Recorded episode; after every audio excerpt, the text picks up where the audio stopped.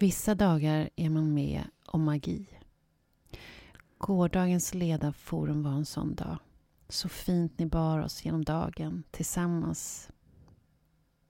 Ulrika och Ruben och Tanja. Vackert, lekfullt och viktigt. Wow. Tid för reflektion, samtal, återhämtning. En hel dag med fokus inåt för att kunna prestera utåt. Skickligt faciliterat, vacker koreografi med levande musik som rör ända in i själen.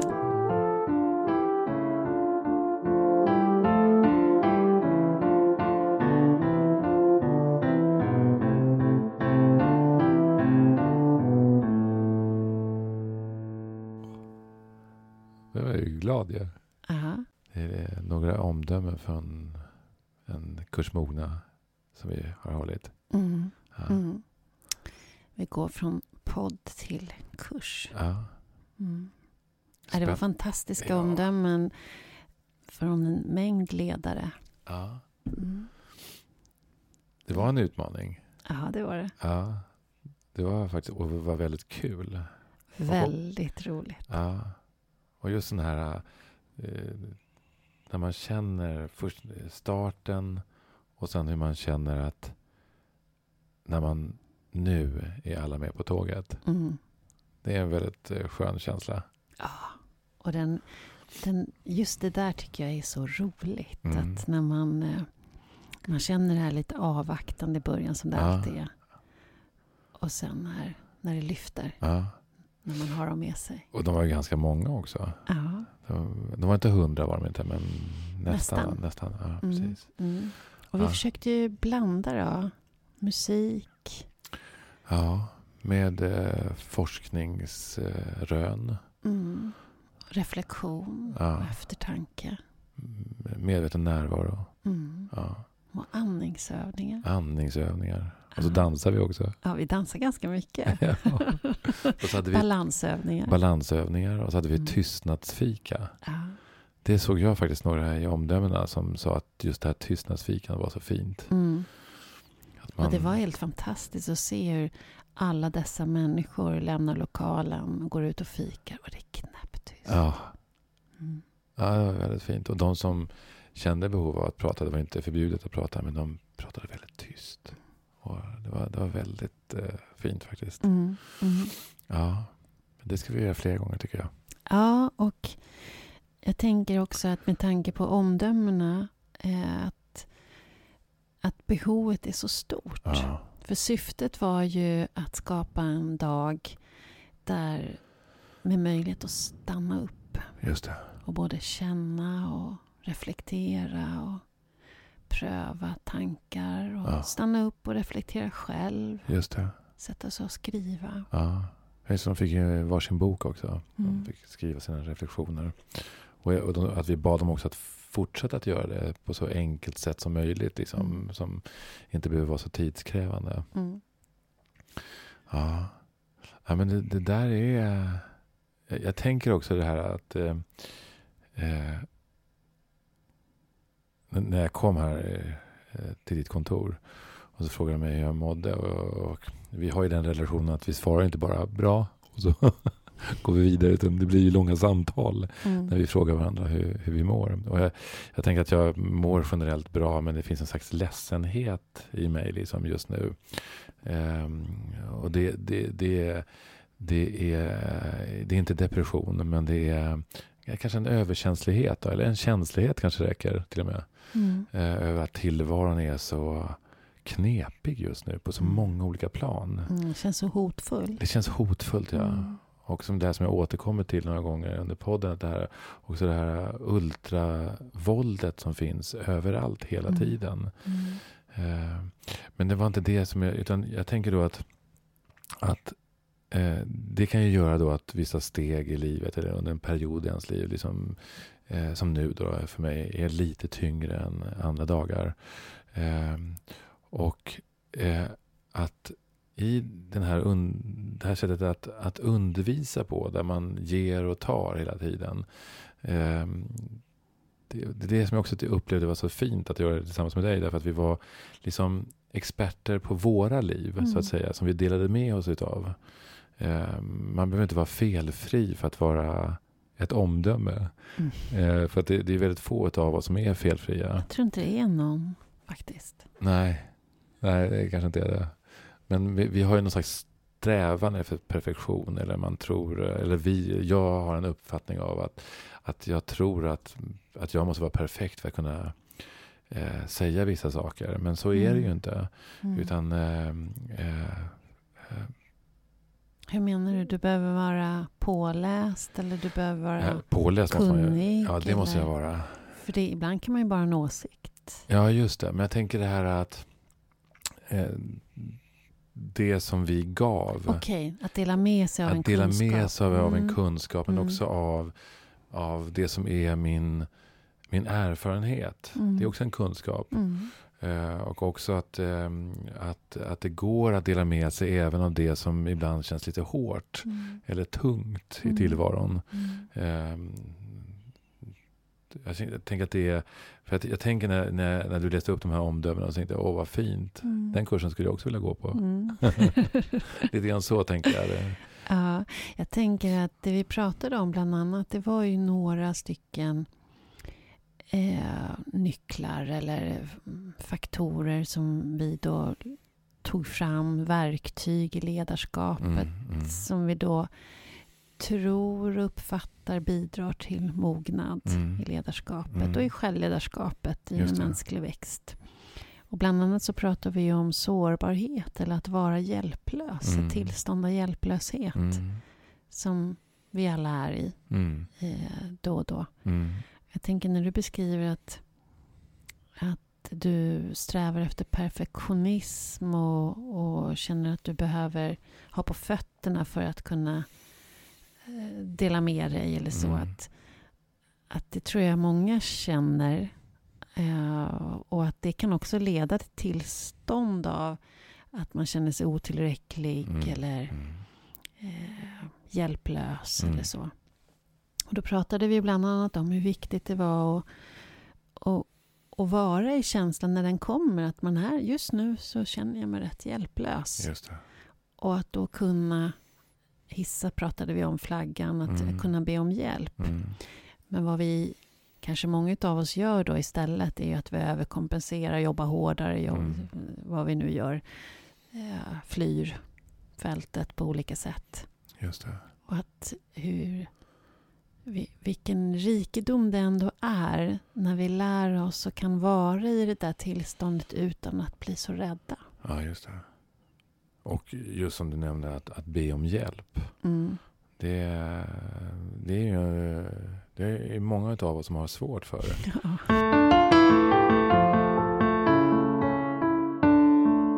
Jag har ju hamnat i en situation i livet där jag behöver hjälp Mm. ehm, just nu.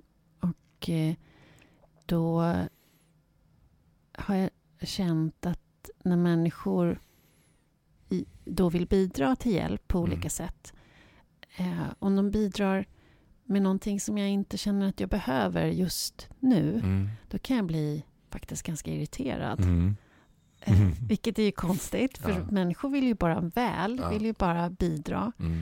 Eh, Men just det här med att när man är i tillstånd av hjälplöshet, när man behöver hjälp, så har jag tänkt hur viktigt det är att, att jag också får äga min formulering, vilken Mm. hjälp jag faktiskt behöver nu. Mm. Sen kan det vara en helt annan hjälp jag behöver sen, eller eh, har varit en annan hjälp tidigare, men Mm. just nu behöver jag den här, och att jag får, själv får äga frågan. Mm.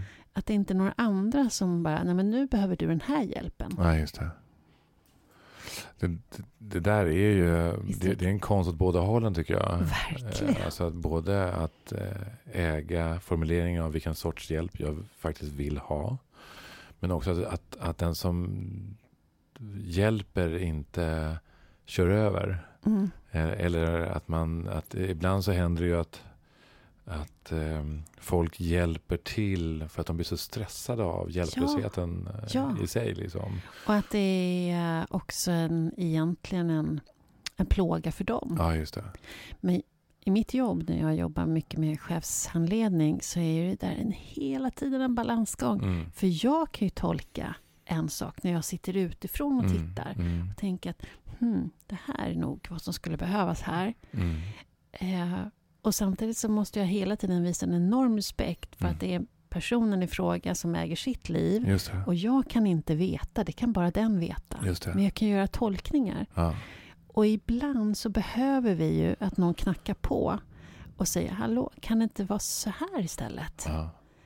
Så det där är ju, alltså det är som Ja. balansgång. Och det där kan jag gå till mig själv nu. Eh, när jag känner ett jättestarkt behov av att jag själv får formulera vad jag behöver. Och så när någon kommer och säger, nej men nu behöver du det här istället. Då kan jag bli väldigt självkritisk. Är det jag som inte ser det? Är det jag som inte förstår vad jag behöver för hjälp? Aha. Och så hamnar jag i någon slags, Mm, har jag fattat fel? mm. Det, jag kanske eh, har lurat mig själv och tror att det är något annat jag behöver än vad jag Ja. faktiskt behöver.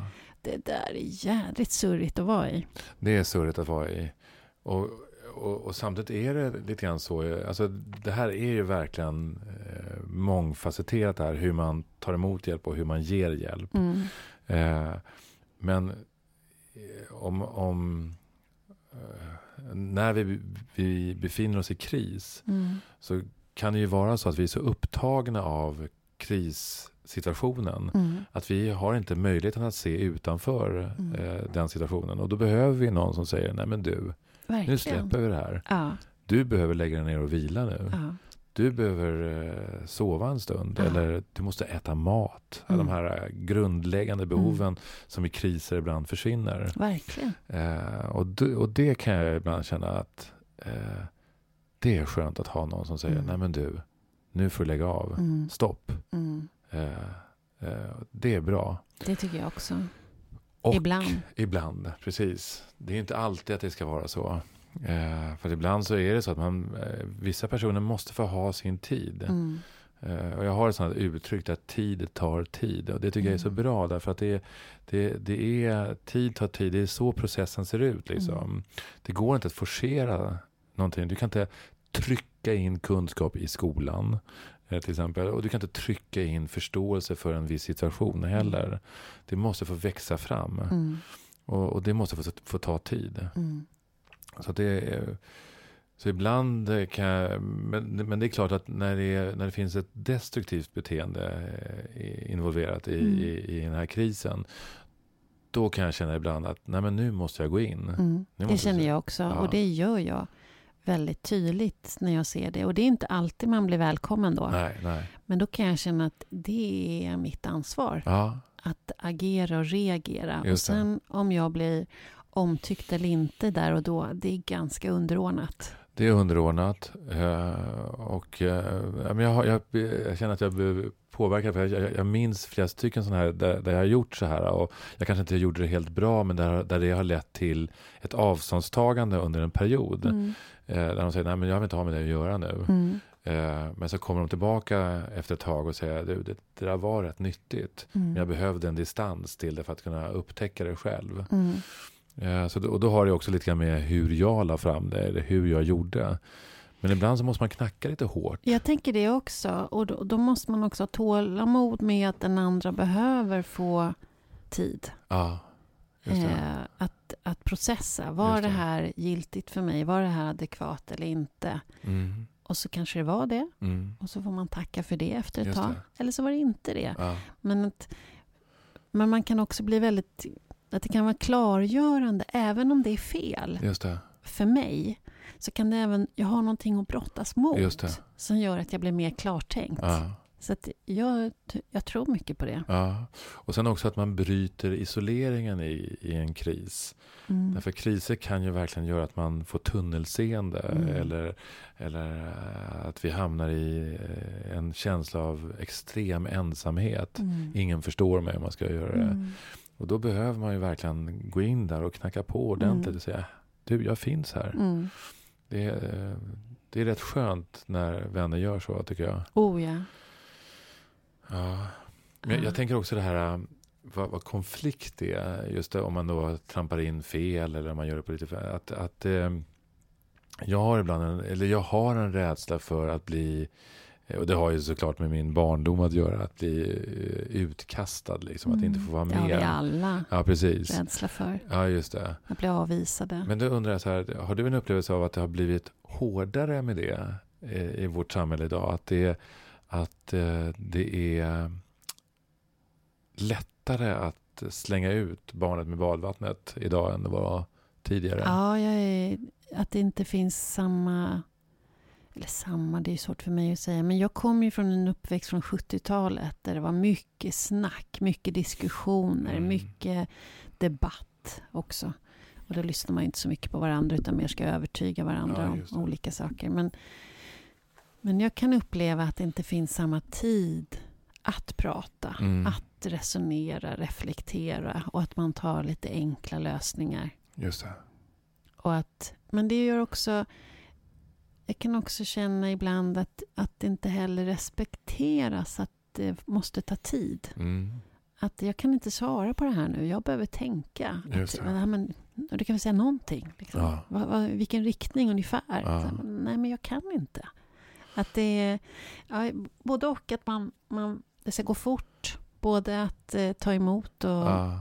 och också ges. Ja, och jag tänker också att jag, jag tycker verkligen att det är ett underskattat svar. Jag vet inte. Mm. Eh, att vi, det är ju ett ärligt svar mellan varven. Mm, ja, verkligen. Eh, och det kan man ju faktiskt sända en signal till vissa politiker. Att man mm. kan ju mm. faktiskt svara, jag vet inte. Mm. Istället för att hitta på eller eh, upprepa frågan tio gånger till. Mm, men även bland eh, de som inte är politiker, i vanliga, i familjen, i, ja, ja, mellan vänner. Ja på jobbet? Ja. Jag har ingen aning just nu. Nej. Nej, det, det, den är otroligt viktig tycker jag. Jag vet inte. Mm. Mm. Men jag tror att den kan vara rätt ångestladdad. Ja, men det är det. Att jag inte har kontroll. Nej.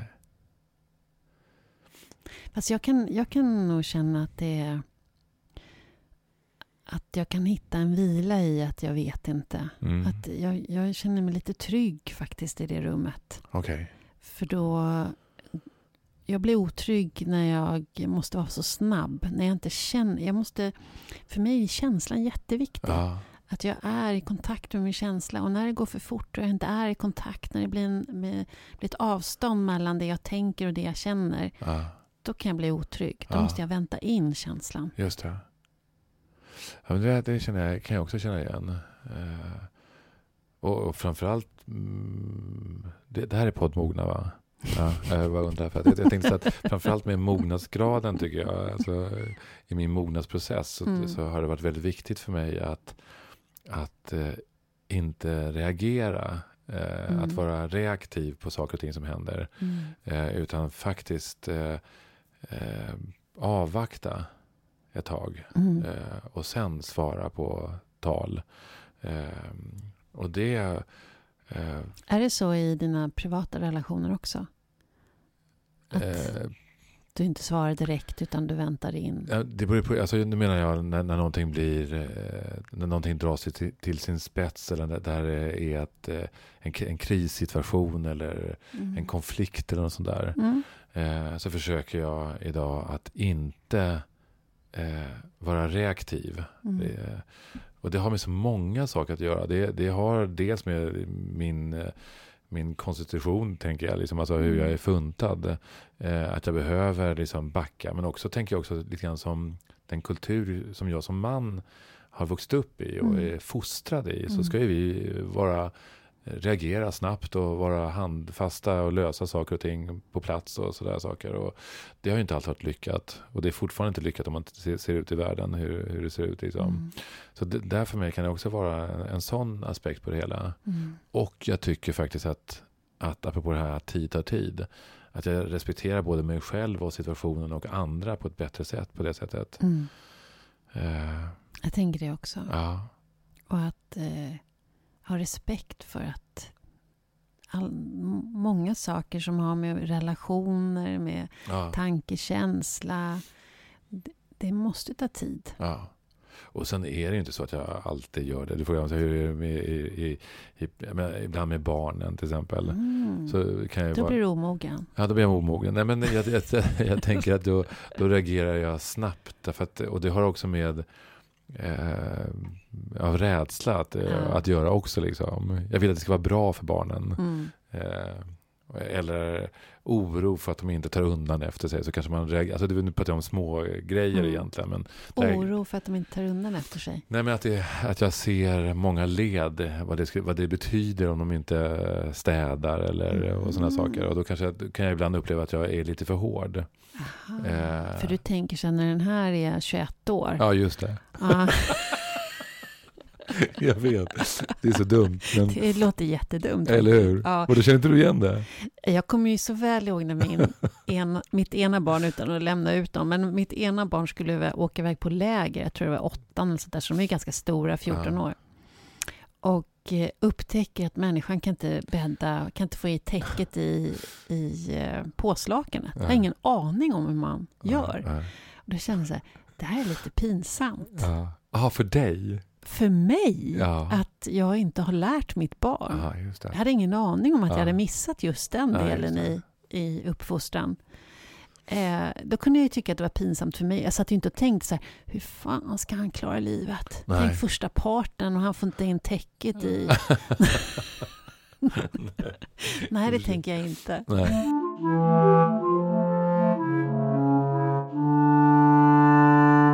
Jag tänker just att just i, eh, alltså som förälder så jag, är det ju viktigt att, att försöka att inte vara reaktiv. Mm. Eh, och i, idag är det så mycket som händer hela tiden. Det är så mycket att, saker att förhålla sig till hela Mm. tiden. Och, och inte minst den här förbannade stressen som vi Mm. lever under Mm. på olika sätt. Och kraven. Och kraven. Ja. Mm. Så att, eh, ja. Precis. Men någonting annat vi pratade om i, på kursmognen, det var ju också att det här med att sätta gränser och Mm. gränssättning. Mm. Och att det, är, att det är väldigt svårt för många Mm. att hitta sin gräns, att Mm. känna sin gräns.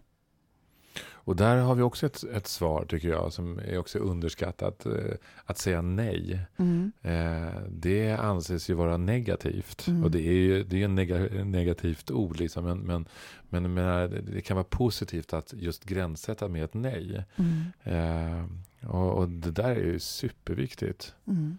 Är Jag- du bra på att säga nej? Nja, ja, sådär om jag ska vara Mm, helt ärlig. mm. Liksom. Och I synnerhet när det kommer till jobb och, och ta på med olika saker. Eller, eh, så kan jag ibland vara lite för dålig på att säga nej. Mm. Att jag behöver eh, värna om min egen tid på ett bättre sätt. Mm. Och då är ju nej ett bra sätt att, att formulera sig på faktiskt. Mm.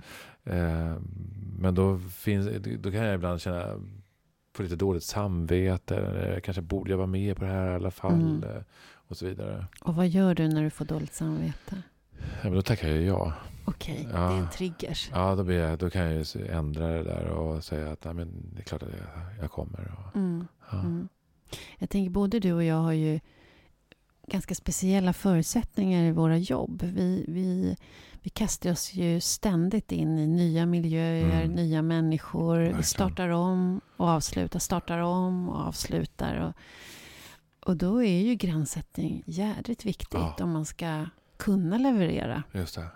För att var sak måste få ta sin tid och göra klart Ja, innan man har 40 andra saker. just det. Där, det har jag jobbat rätt hårt med. Ja.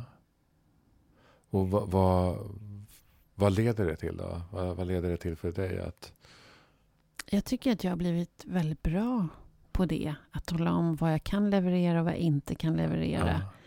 Och vad jag vill och vad jag inte vill. Mm. Eh, därför att jag har varit tvungen till det. För att eh, annars kan det ju bli helt gränslöst. För den som beställer vill ju ofta ha hur mycket som helst. Just det. Eh, I omfattning och tid och så. Ja. Ehm, men mm, jag tycker att jag har blivit... När jag, när jag tänker utifrån ett funktionellt... Ja, men vad blir bäst resultat för mig, det jag ska göra? Mm. Eh, då tycker jag att jag har ganska... Eller jag har lätt att säga nej. Däremot när det blir känslomässigt. Mm. När eh, det blir andra typer av relationer. Eller någon som är i nöd på något sätt. Mm. Någon, någon som har det svårt. Mm. Då har jag mycket svårare att säga nej. Ja. Då är jag en dålig nej-sägare. ja. Fast det, vilken situation ska man säga nej till någon person i nöd? Eller hur, hur Nej, men jag då? menar inte någon som håller på att drunkna, inte den nöden. För det är klart jag inte säger nej. Men, Det hoppas jag verkligen. men jag menar, man kan ju vara i lite nöd. Ja. Eh, det kan ju vara, jag behöver låna bilen. Ja. Eh, det, kan vara, det kan ju vara allt möjligt. På, och I de där lägena är det svårt. Mm. Då måste, jag, då måste jag ta i lite för att kunna säga nej. Ja. Jag måste anstränga mig, jag Just måste det. fokusera. Liksom. Ja. Att nej, det går faktiskt inte. Jag vill inte det här. Eller jag behöver själv det här. Mm. Eller vad det nu är för någonting. Mm. Jag behöver vara eh, ensam. Jag vill inte umgås nu. Nej. Nej, precis. Och egentligen ska man, ska man väl inte alltid behöva förklara varför man säger nej. Nej. Ett nej är ju gott nog i, eh, i, många, i många svar kan jag tänka Mm. egentligen. Men jag är likadan. Mm. Att jag känner att jag måste förklara mig varför jag säger nej i det här sammanhanget. Mm. Och egentligen är det där motivet är ganska ointressant många gånger för den andra. Ja, det är bara ett visst. svar. Ja, ja. Mm. ja. Jag vet när jag höll i ledarutbildningar för ja, det här var tio år sedan kanske, för enbart för kvinnor. Då identifierade jag, det var ett års program, identifi- identifierade jag ganska snabbt att gränssättning var kanske en av de viktigaste att jobba med. Mm. Och det jobbar vi med på alla möjliga sätt. Allt ifrån att springa runt på golvet och skrika nej eller känna hur ett nej känns i kroppen. Och, Ja, och ja, vad händer i kroppen när jag vill nej? ja. Eh, och mycket kring självhävdelse och, och sund självhävdelse. Vad är det för någonting? Och, så. Och då konstaterar jag att oj vad många vi är som inte får med oss det ja. från barndomen. Utan det handlar så mycket om att anpassa sig, inordna sig. Det tränas vi på, Ja. vi är ganska bra på. ja. Men att eh, ta avstånd och distansera sig och hävda sig generellt sett är vi inte lika bra på. Nej. Det tränar vi inte i Nej, på samma sätt. Jag, jag, jag, när du berättar så kommer jag ihåg när jag, jag var 24 år och, och eh, nej, jag måste ha varit yngre till och med. Måste ha varit, för det var innan jag fick mina egna barn. Så gick jag i någon slags gruppterapisammanhang. Eh, och då var det en av dag, hade vi en dag där vi skulle lära oss att vara tillsammans. Vi hade, vi då fick man ett, ett ansvarsbarn. Och en av de grejerna vi skulle lära oss det var att man inte behövde säga nej. Utan att gränserna var mycket vidare än vad vi trodde eh, att de skulle vara. Hur då? Ja, nej men alltså att, att många gånger så säger man nej eh, på grund av att man inte har ork eller mm, att, tålamodet det här automatiska nejet. Ja, just det. Automatiska nej skulle man. Men det, det blev ju ett gränslöst nej. Och jag eh, kommer ihåg att det slutade. eh, Min unga började klättra upp för en stege, för en brandstege ville upp på taket. Liksom. Och då sa jag ju nej. och då kom jag ihåg, för det här, det här vad, vad som hände var ju då att Var fick det- man ungarna ifrån till er gruppterapi? Ja men det var ju barnen till, eh, det var ju betydligt flera som var äldre än vad jag var. Ah, ah. Eh, Men då hade vi ett, eh, efteråt när jag sa nej då, så blev det ju ett samtal då i, grupp, i gruppen. Och det här var ju faktiskt min, min biljett ut ur det här, i det här terapisammanhanget. Eh, för då, då, då frågade de liksom mig varför jag sa nej. Och så förklarade jag liksom att jag ville inte att ungen skulle klättra upp för en brandsteg upp på taket. Liksom. För jag kunde inte säkra eh, ungens eh, välmående liksom, där uppe, eller om han halkade och så här. Och då, då, då tyckte de att jag saknade fantasi. Eh, att jag kunde ha löst det på ett annat sätt. Liksom. jag Oj, kunde ha oj, sagt att oj. jag kunde ha gått upp först. 23 år gammal. Ja, eller om jag ens var det faktiskt när jag tänker efter. Jag, men jag var i i början av 20-årsåldern. Mm.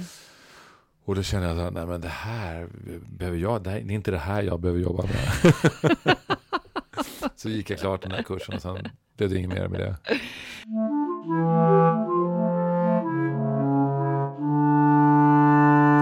En relation jag levde i där eh, han alltid sa nej. Alltså, Först. Ja, det. innan han tänkte efter. Precis. Så vad, vilken idé jag än kom med, Ja. eller någon annan kom med, eh, så var nej. Och det där gjorde mig helt tokig. Ja, men det är hemskt. Eh, för jag är ju precis tvärtom. Ja. När någon kommer med någon idé, så är alltid jag först. Ja. Och sen kanske jag kommer på efteråt att nej, det där kanske inte var så bra. Ja, ja. Men jag älskar ju sådana människor som bara, men jag är på, vi Ja, testar, ja, vi ja, prövar. jag tycker det är jätteroligt. Sen är det då den där berömda balansen igen. Då, då. Jag vet, jag Ja, vet. jag vet, jag men om man nu ställer de Ja. här två mot varandra. Ja, men alltså negativa människor. Nej, det var inte, alltså han var inte negativ, men han hade någon så här inbyggt nej. Ja. Fast det är jobbigt. Han behövde liksom tänka först. Sen kunde Ja. han komma tillbaka och säga, men det där var ju, det låter lite kul. Aha, Ska vi pröva? okej, okej. Men, men det första var alltid nej. Ja. Ja. Jag blev jätteprovocerad. Ja. ja men det, det, det, Bort med honom, tänkte jag. Han är borta också. Han blev Han borttagen. är borttagen. Det blir ett nej där. Det blev ett rejält nej. Nej, nästa. Ja. Ja, har, du, har du träffat någon sån någon gång?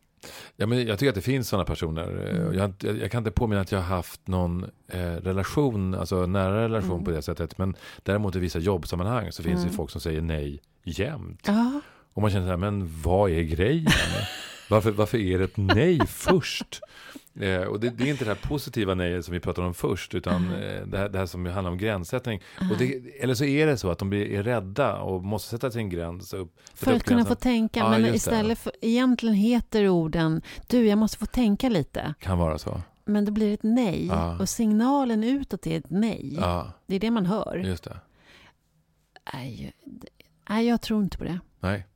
Nej, men det, det gör nog inte jag heller. Alltså, in, inte, inte per automatik. Alltså all, alla svar, automatiska svar, är ju oftast, är det sällan bra, tycker jag. Nej. Utan det krävs ju ofta en reflektion för att ett svar ska vara... Ja, alltså nu när vi pratar om det så tänker jag på när jag har middag med några tjejkompisar, då kommer vi, kommer på nu, det kommer vi ofta tillbaka på det här i valet av partner, att man Ja. vill ha en ja-sägare. Ja, I den bemärkelsen, inte någon som bara plisar och, och är självutplånande, det är inte Nej, det jag menar, nej. utan den där som säger ja till idéer. ja, Att eh, Ja. man vill pröva på, ja men det testar vi. Ja men ska vi åka dit? Ja, vad fan, vi tar bilen dit. Nej. är. Inte de här som bara ska åka A till B, liksom, utan bara, man kom på spontana, eh, flexibla lösningar. Eller eh, att det är den där som säger ja, han är högt i kurs. Alltså. Ja, Mm. ja, men det, det skriver jag under på. Mm. Det tycker jag också är en viktig aspekt. Eh, Alltså i nära relationer och kompisrelationer Mm, och mm, allting så är mm. det... det, är det- det- lite kuligare. Ja, det är betydligt roligare. Ja. Betydligt roligare. Ja, Så gränssättning kan bli tok. ja. Mm. Och det, det, var- ju en del av det som vi pratade om. Men sen hade vi också, när vi inte talade så mycket, utan när, när vi eh, dels lyssnade på musik. Tanja Mm. Naranjo var där och spelade Bach och Chopin och Beethoven. Och sen musik från era nya skiva. Ja, just det. Vi sjöng också. Som nu finns på, flera låtar finns ute på Spotify. Ja, två låtar än så länge. Och så kommer det hela plattan till hösten. Ja. Ja, just det. Vi sjöng också. Ah. Eh, och det var också väldigt fint att se eh, den, här, den här gruppen. Därför att Mm. eh, det var ju liksom inte... Eh, det kom ju lite applåder per automatik, men det var inte det som var grejen. De var väldigt försiktiga. Mm. Eh, utan det var... Det här var någonting som vi gav till dem. Mm. Eh, Men vi fick ju också tillbaka någonting av deras, det här att de stillade sig i musiken. Och, och det här att man inte behöver eh, applådera eller att man inte behöver komma med ett omdöme. Eh, utan man bara tar in Mm. och låter det bero ett tag. Mm. Eh, Och vår ambition med det, som vi pratade om vad vi ville åstadkomma, det, det var ju att vi ville få kontakt med känslan. Just Alltså ledarutveckling är ju oftast nästan bara i huvudet. ja, Det är fyrfältare och det är teorier och det är man ska träna och att göra på olika sätt. Men vi ville komma i kontakt med känslan, så vi ville använda andra sätt. Just Där det. var ju musiken ja, helt magisk. ja, att det fungerade så väl. Mm. För att, liksom, att stilla sig också. Jag tänker att vi, också att vi många gånger använder musik eh, eh, bara för att ha någonting att lyssna på på vägen eller där vi aldrig lyssnar riktigt aktivt. Nej. Eh, det tycker jag har försvunnit lite grann med, eh, med på grund av streamingtjänsterna. Liksom. Mm. Att det var ju en annan grej när man gick och köpte en skiva och, och satt och lyssnade hela och satt och lyssnade. Ja. Och då lyssnar man ju verkligen. Med, i, i andakt liksom, lyssnar man på nästa låt. Och, nästa låt. Och, och när jag, jag lyfter armen och så tog tillbaka och lyssnade Ah. en gång till. Och det, det var ett annat sätt att lyssna på än, än till, vad jag själv också gör idag. Ja. Det har inte jag tänkt på, men det, så är det verkligen. Det är ett helt annat sorts lyssnande. Nu är det ju många gånger lite bakgrunds... Ja, just det. Mm. Det är sant. Personligen så, tycker inte jag om det. Jag, jag tycker om en viss sorts musik, till när jag städar. Då Mm. behöver jag inte lyssna så mycket. Men annars är jag ju en sån som lyssnar. Mm. Eh, och, och tycker inte om skval. Sådär. Eh, jag tycker att det blir stö, störande. Liksom. För mig är texterna jätteviktiga. Ja. Jag går igång jättemycket på texter. Alltså beroende på om jag, vilket humör jag är på. Om jag är ledsen, då vill jag vis- lyssna på en viss typ av text. När jag Ja. är glad vill jag ha någon annan. Ja. Vill jag få upp lite kraft och lite energi i kroppen, Ja. då är det något tredje. Ja. Så att musik är för mig väldigt mycket eh, känslor. Ja, På olika ja, det är det sätt. verkligen. Ja. Och musik är också för mig, eh, för mig är, musik också någonting andligt. Mm. Det vill säga, det, det, det, det, det har inte med någon religion att göra på det Mm. sättet. Utan det har med någonting eh, andligt för mig kan många gånger vara någonting som inte går att beskriva på något annat sätt Mm. än till exempel genom toner. Eller poesi eller sådär. Men att det är någonting som berör mig på ett sätt som är så här. Eh, ja, det, då, det, då, det, det betecknar jag som andligt. Mm. Eh, och, och jag tyckte att vi eh, hade det några gånger. Mm, tycker jag Eh, också. ja, det blev... Eh, jag tänker på att vi har, ju- har ju läst lite grann om eh, Chipolette och jag. Mm. Och där, hon tog lite med blodprover Mm. som gick att mäta liksom, på vad som hände liksom, i, i stressnivån när man till exempel lyssnade på musik. Ja.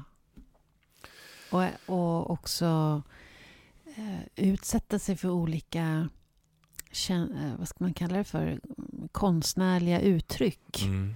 Och att det direkt appellerar på eh, vad som produceras i oss. Ja, just det. Det är magiskt. Ja.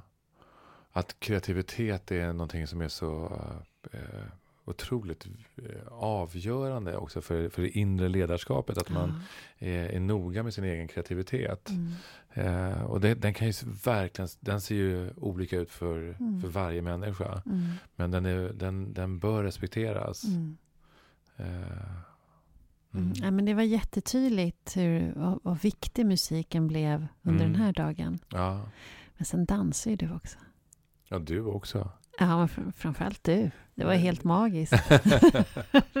Nej, men det, det jo, var det ju, var det faktiskt. Ja, men det var ju en form av bara att få, få, få igång blodomloppet Ja. lite, grann innan vi skulle meditera eller ha mindfulnessövningar.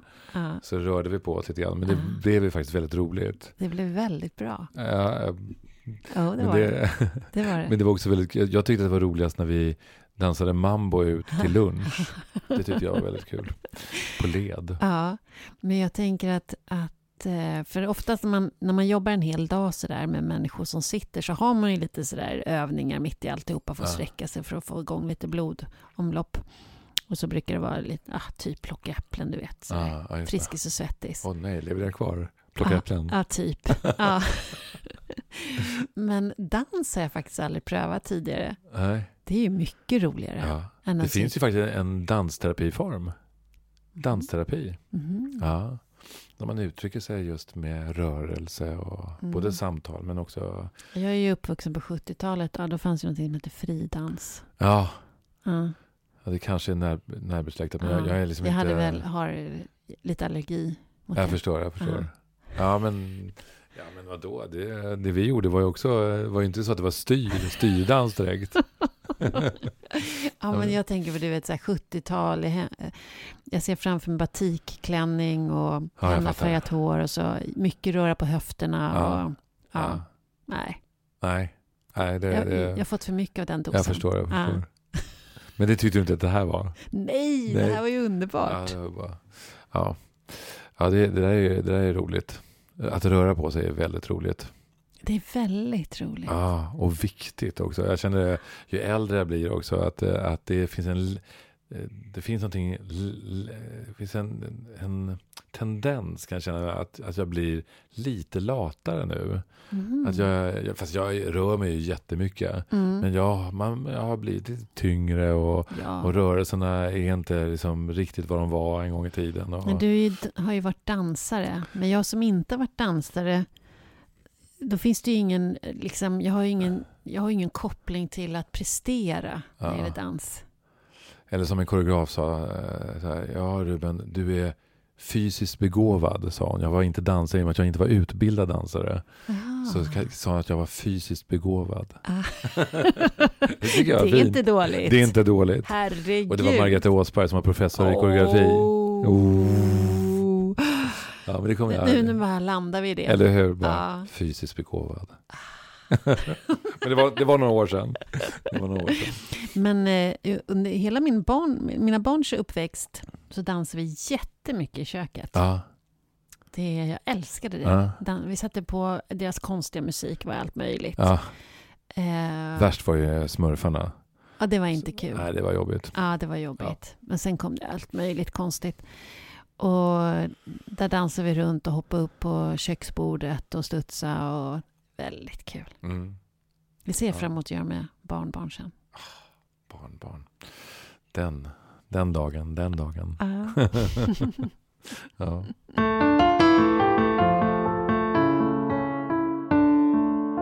Men mogna. Att stanna upp och få vara sårbar. Att mm. och sätta gränser och formulera behov. Mm. Men också, tänker jag, att, att ge sig själv och varandra värme. Alltså det vi pratar om medkänsla, compassion. Mm. Jag jobbar jättemycket med det idag. Mycket mer än vad jag gjorde för några år sedan i min chefs, när jag ger chefsanledning. Jag pratar mm. mycket om att hitta sin egen värme. Ja.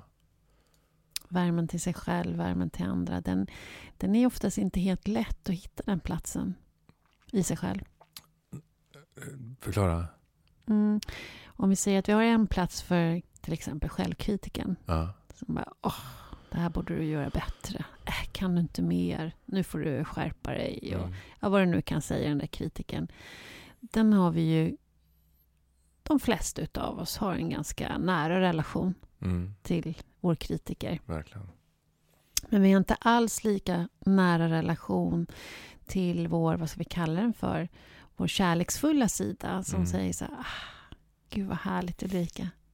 Vad fin du är idag. Mm. Det här gjorde du riktigt bra. Mm. Eller, nu är jag ledsen. Mm. Ja, men att trösta, att, att ge tröstande ord mm. eller det här kommer gå bra. Mm. Det här kommer du klara. Alltså den rösten, den har vi inte lika nära relation till. Nej, utan den måste vi oftast jobba lite med att få hitta. Ja. Som är också en, en, reflekterande som ser lite långsiktigt, som överblickar, som ser att det här svåra som är just nu, just det. det. kommer gå över. Ja. Den här känslan som är just nu, som är svår att hantera, den kommer försvinna. Mm. Att lite grann ge lite visdom och lite omsorg. Mm. Om sig själv. Till sig själv. Till sig själv, ja, mm. Vad tror du att det beror på då? Varför har vi en, en närmare relation till kritiken än till... Jag tror det är inlärt. Jag tror ja. vi lär våra barn i mycket högre grad korrigera, rätta till istället för att eh, stanna upp. Är du ledsen? Ja. Få vara ledsen. Ja. Stanna i det. Vi får panik och vi ska trösta och vi ska eh, korrigera, ta bort det där som gör ont. Och, och, nu, nu ser vi till att du ska inte utsättas för de, den där situationen igen. Nej, och nej. Nu ska jag skälla ut läraren, så där ska du aldrig vara med om igen. Och vi ska ta bort det som är svårt. Och, och, så istället för, jag tänker att eh, vi, vi, vi är mycket mer där, att korrigera, rätta till, mm. instruera, eh, också skuldbelägga. Eh,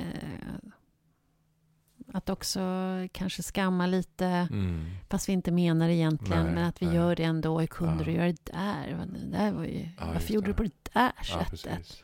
Den rösten är mycket starkare och mycket... Vi hör den också, vår hjärna är programmerad att höra kritik mer än vad vi hör det positiva. Mm. Man brukar säga att man behöver säga sex, fem, sex positiva ord för att höra det lika mycket som ett negativt. Just det. Just det. Så det, det har ju också med det rent biologiskt att göra. Ja. Men jag tror att vi också är mycket mera instruerande, korrigerande. Eller vad tror du? Ja, men jag tror absolut att det är så. Och jag tänker att, att, eh, att dels är det de, alla trauman som vi utsätts för på olika sätt i olika grad. Eh, både de som vi erfar själva men också som vi vet idag att vi ärver också. Eh, eh, att de påverkar oss väldigt, väldigt starkt. Eh, här känner jag ju det väldigt, i mig själv väldigt mycket. Alltså jag har en väldigt, väldigt stark kritiker. Och jag brukar också prata om självkänsla och självförtroende. Att mitt självförtroende kan vara gott. Jag kan genomföra eh, många saker. Men min självkänsla är inte så bra. Den är liksom stukad sedan tidig ålder. Liksom. Eh, och den måste jag ända upp nu i gubbålder liksom, Mm. jobba med. Liksom, Mm. För att, att, att den inte ska eh, ställa till det för mig. Mm. Eh, och det kanske är lite grann samma sak fast bara med lite andra ord.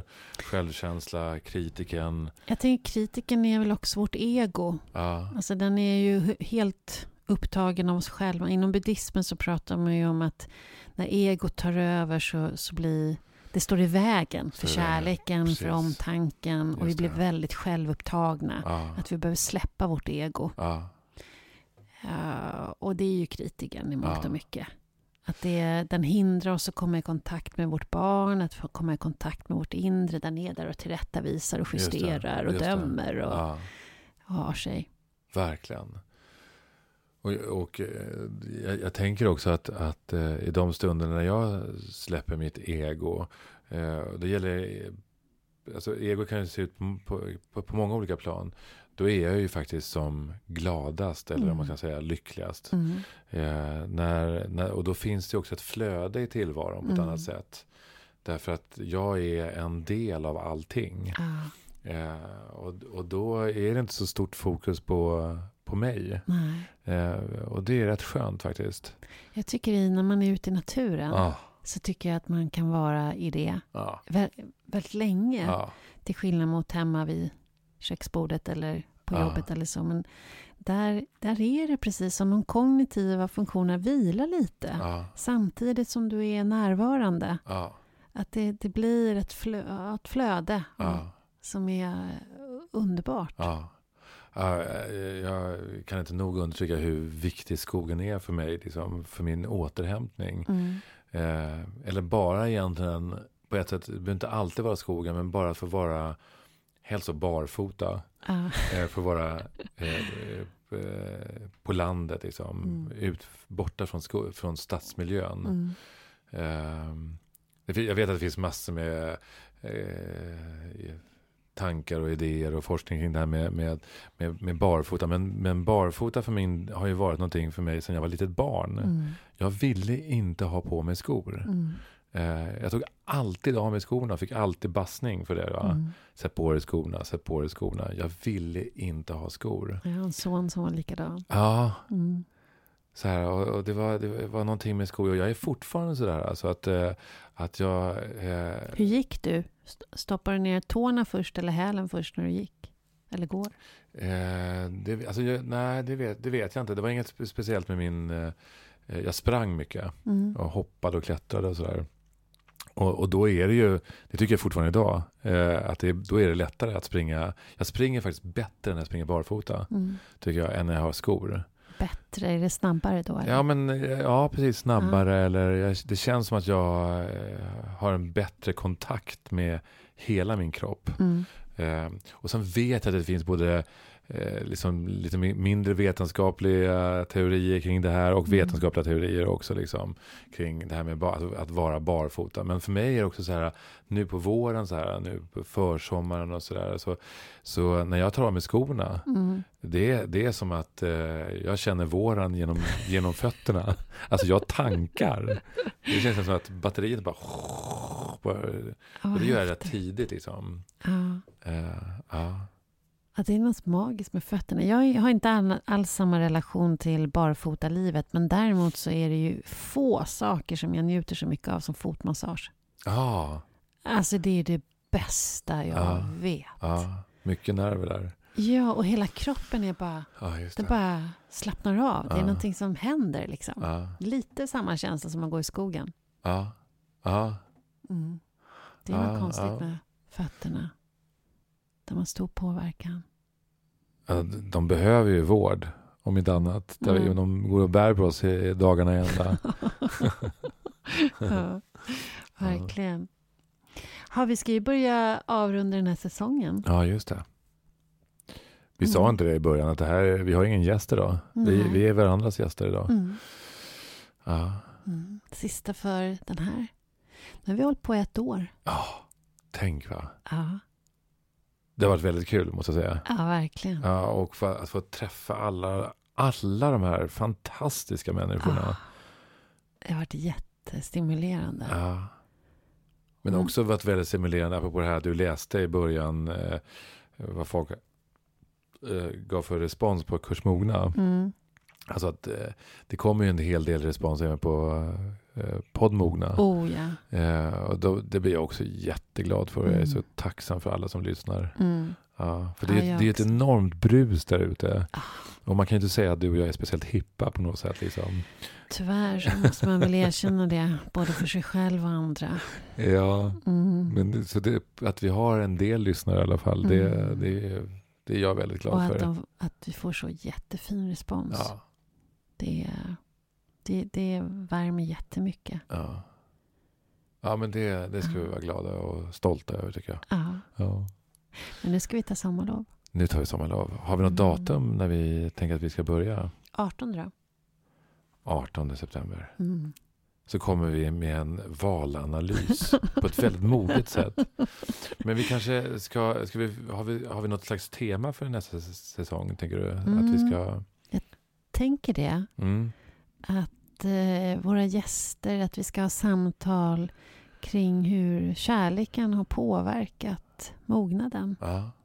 Alltså på vilket sätt. Det kan vara kärleken till sig själv, det kan vara kärleken till en partner, till Ja. barn, till Ja. världen. ja. Men jag tänker att vi behöver lyfta kärlekens påverkan på oss. Oj, oj. Och där har vi ju också en del erfarenhet, både du och jag. Ja. Både av relationell kärlek och bristande kärlek och längtan till kärlek. Och, Ja. ja. Och den där sårbarheten man är i när man är i kärlek. Den är ju häftig. verkligen. Mm. Det blir nästa säsongs tema. Ja, Uff. Jag kommer att lyssna. jag med. Tack för den här gången. Tack så mycket och en jätteskön sommar till alla lyssnare. Hej! Hej då.